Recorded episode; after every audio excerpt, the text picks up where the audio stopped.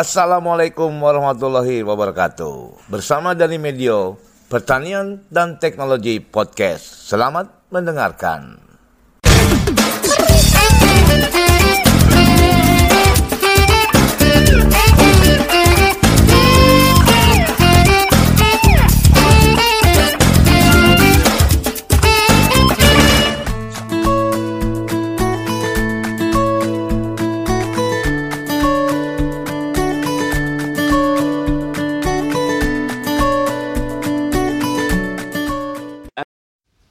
Baik, Sobat Tani, saya sekarang sudah berada di uh, halamannya BPTP Jatim. Uh, pendengar setiap podcast pertanian dan teknologi, saya sekarang ketemu dengan Pak Dr. Sudarmadi. Ia adalah tim SDG-nya BPTP Jatim dan saya lihat di sini ada kacang-kacangan yang kualitas kacang-kacang lokal.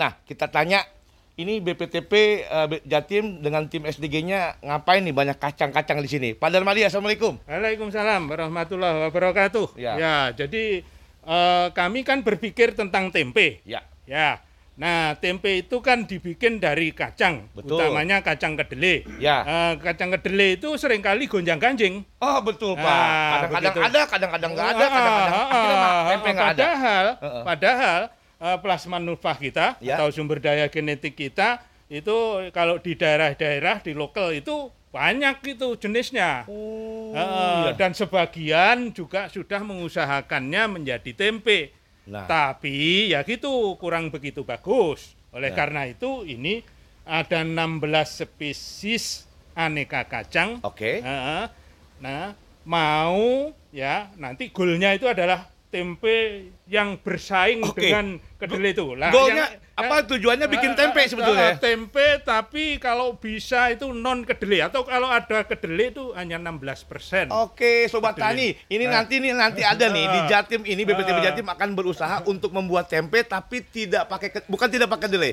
Kedelainya cuma 16 persen, uh, tapi bahan yang lain dari kacang-kacangan. Uh, kacang-kacangan. Apa ini, aja kacang apa? Uh, nah. Ada bengok, Bengok. Wah. Ada bengok itu ada dua macam. Ya. Warnanya hitam, warnanya putih. Kemudian ada koro. Koro, koro wah, itu kacang koro ya. Kacang koro. Uh. Ini ada tujuh macam di sini. Ya. Kacang koro itu. Uh, uh, terus kemudian ya tentu ada kedelainya sendiri. Ada kedelainya ya. Uh, uh, uh, terus kemudian ini ada gude. Ada gude. Uh, okay. Ada kecipir. Kecipir. Uh, ya. Jadi itu macam-macam. Nah, kalau di ruangan ini khusus, anu Pak Dani, ya.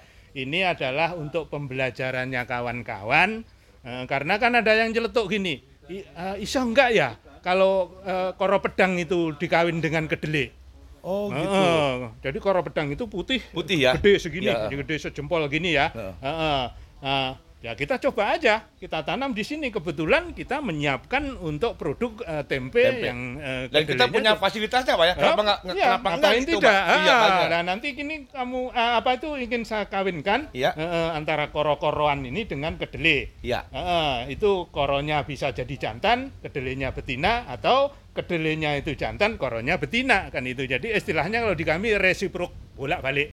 Kalau ditanya seberapa mampukah ke stok aneka kacang tadi itu untuk mensubstitusi. Kalau nah, gitu, ber, ber, berdasar hitungan yang lokal ya, yeah, yeah. Uh, kira-kira 30 persen. Itu belum tanpa dis, tanpa uh, belum belum disentuh ini. Nah, uh, yang ada di daerah ada di sini ya. yang ada yeah, di daerah-daerah yeah. itu uh, berdasarkan kemarin kami survei ya. Uh, ya survei sambil mengecek uh, apakah masih ada uh, yang kita kolek yang kami koleksi ini koleksi 2015 yeah, yeah, uh, apa masih ada? Itu di lokasi-lokasi itu ternyata masih ada. Uh, nah kira-kira itu 30 persen yang existing. Baik baik. Kalau ini kita sentuh ya mesti Insya Allah uh, Ya, terus kemudian pertanyaannya berlanjut. Pada saat semangat untuk substitusi kedelai dari uh, aneka kacang yang lain kemudian preferensi tem saudara kita, masyarakat kita terhadap tempe itu apakah bergeser, menurun atau malah semakin yakin bahwa oh ini sebetulnya dalam hal gizi, rasa itu sebetulnya tidak kalah dengan tempe dari kedelai. Berdasarkan observasi yang dilakukan Bu Lina tadi, termasuk yeah. yang e, tempe yang dirasakan tadi, yeah. Eh, saya optimis Eh, karena kemarin ada contoh yang sudah Ya. eh, eh, sudah tapi bapak tidak merasakan sudah kami rasakan Eh, eh, dengan berbagai macam ragi itu eh, optimis kalau itu bisa bersaing dengan eh, Oh, tadi, tadi, dari tadi kedelai. aja udah enak, cuma ada kacang yang agak apa kolonnya kurang. Eh, eh, eh. Saya yakin pasti, saya juga yakin pasti gitu. Kalau ini pasti akan, karena rasanya udah enak nih. Mudah-mudahan tadi kalau kalau Baik, pertanyaan berikutnya. Kalau memang tadi stok yang tersedia kira-kira sebutlah 30% ditambah dengan sentuhan inovasi teknologi kita naik sebutlah menjadi 45% gitu. Mm.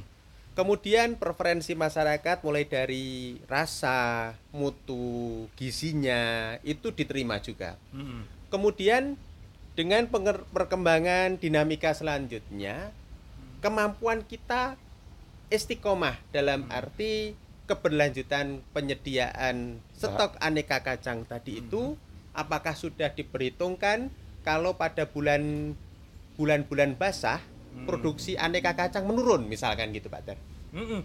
Eh, ya, saya kira ada beberapa jenis ya, yang berlaku untuk eh, apa bulan-bulan basah. Eh, ini kan ada 16 16 spesies. Nggih. Ya, jadi cuman ya itu mungkin perlu satu kajian, eh, satu dua kajian eh, ya- yang itu eh, mungkin dilakukan di beberapa tempat. Oke. Tapi kalau melihat ini, saya kira potensi itu ada. Baik. Tambah satu lagi nih Pak Ter, biar mantep rasa ingin bertanya kami ini. apa sih gitu? terkait dengan keberadaan eh, kita tidak dapat pungkiri sebetulnya masyarakat kita sebet dalam hal membuat tempe ini kreatifnya Betul. tinggi ya Mm-mm. bahkan bahan dari limbahnya eh, apa ini patinya tahu itu apa namanya Oh ini itu juga bisa disebut sebagai tempe. tempe. kalau orang Blitar seperti Pak Dar itu menyebutnya tempe jos Tempe- Eh, tempe gembos. tempe gembos Tempe menjes. tempe menjes Ada nah, tempe menjes. macam-macam sebutannya Oncom kata kita. Mohon, Ada, mohon. Eh, eh. Nah, itu juga berasal dari bahan kedelai sebetulnya Hmm. dengan memanfaatkan jamur yang berbeda, ragi yang berbeda. Mm, mm. Nah, jikalau nanti dengan aneka kacang ini kemudian kita mengerucutnya adalah menjadikan tempe yang berkualitas, tentu bahan ragi tadi juga diperhitungkan. Perhitungkan, ya. Nah, apakah Pak Darmadi dan teman-teman itu juga mengelola keberadaan ragi ini sehingga kan kita juga satu sisi ada khawatir Pak Dar. Hmm. Kita pernah mendengar ada yang keracunan tempe Hmm. karena raginya beracun. Nah, mohon penjelasan Pak Ya, Dar.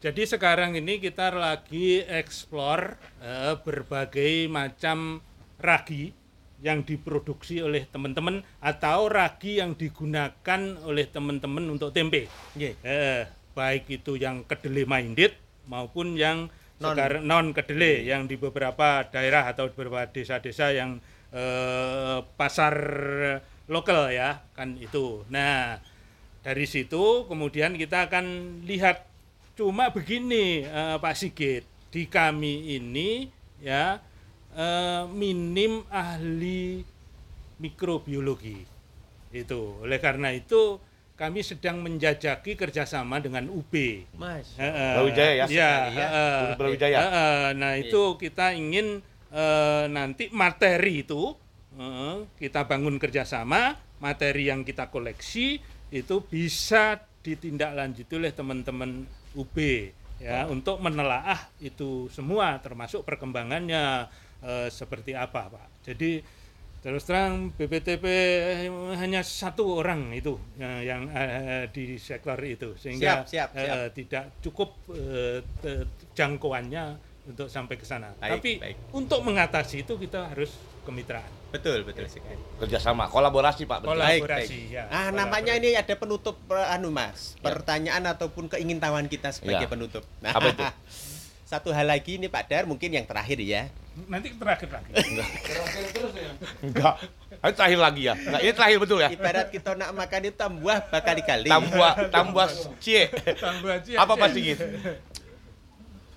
Kita optimis yang dilaksanakan Pak Darmadi dan Tim. tim, itu sangat membuat kita optimis bahwa kedelai ini akan dapat disubstitusi dengan Kacang-kacang. aneka kacang yang preferensi pengguna masyarakat kita tetap bagus, tetapi dari ketersediaan stoknya dapat beraneka rupa sehingga berkelanjutan. Mm. Harapan Pak Dar dan tim dan teman-teman semuanya, apakah ini nanti dapat menjadi s- sebutlah seperti kalau saat ini ada eh, apa no swasembada pajale. Hmm. Le-nya itu kan kedelai ya. Hmm. Nah, besok dengan diartikan kedelai ini sebetulnya keluarga kedelai. Apakah besok ini dapat menjadi program-program nasional yang tanda petik ya menjadi kewajiban kita semuanya insan pertanian mengembangkan aneka kacang ini betul-betul menjadi memasyarakat di tempat kita. Ya, Monggo Pak Dan. Ya, eh, itu harapan kami. Ya, terus terang eh, harapan kami besar eh, di luar itu kan ada beberapa jenis ya dari spesies kacang eh, aneka kacang ini yang nilai gizinya bagus, Pak. Lebih tinggi dari kedelai. Lebih bagus dari kedelai. Eh, itu. Jadi namanya itu adalah eh, koro asten. Ah. Ini karena ini sudah kita Itu asli mana Pak Dar? Itu Banyuwangi punya. Masya Allah. Ya, Terus eh. nilai gizi yang lebih bagus itu dalam hal apanya ya? Pak Dalam ya? hal ini eh, Protein. uh, uh, protein, serat, eh, eh, ada oleatnya, jadi ada omeganya, Oke. gitu di di dalam eh, kepustakaan-kepustakaan yang kami baca. Nah, eh, ke depannya tentu ini semua menjadi packaging bahwa itu adalah tempe bergizi tinggi.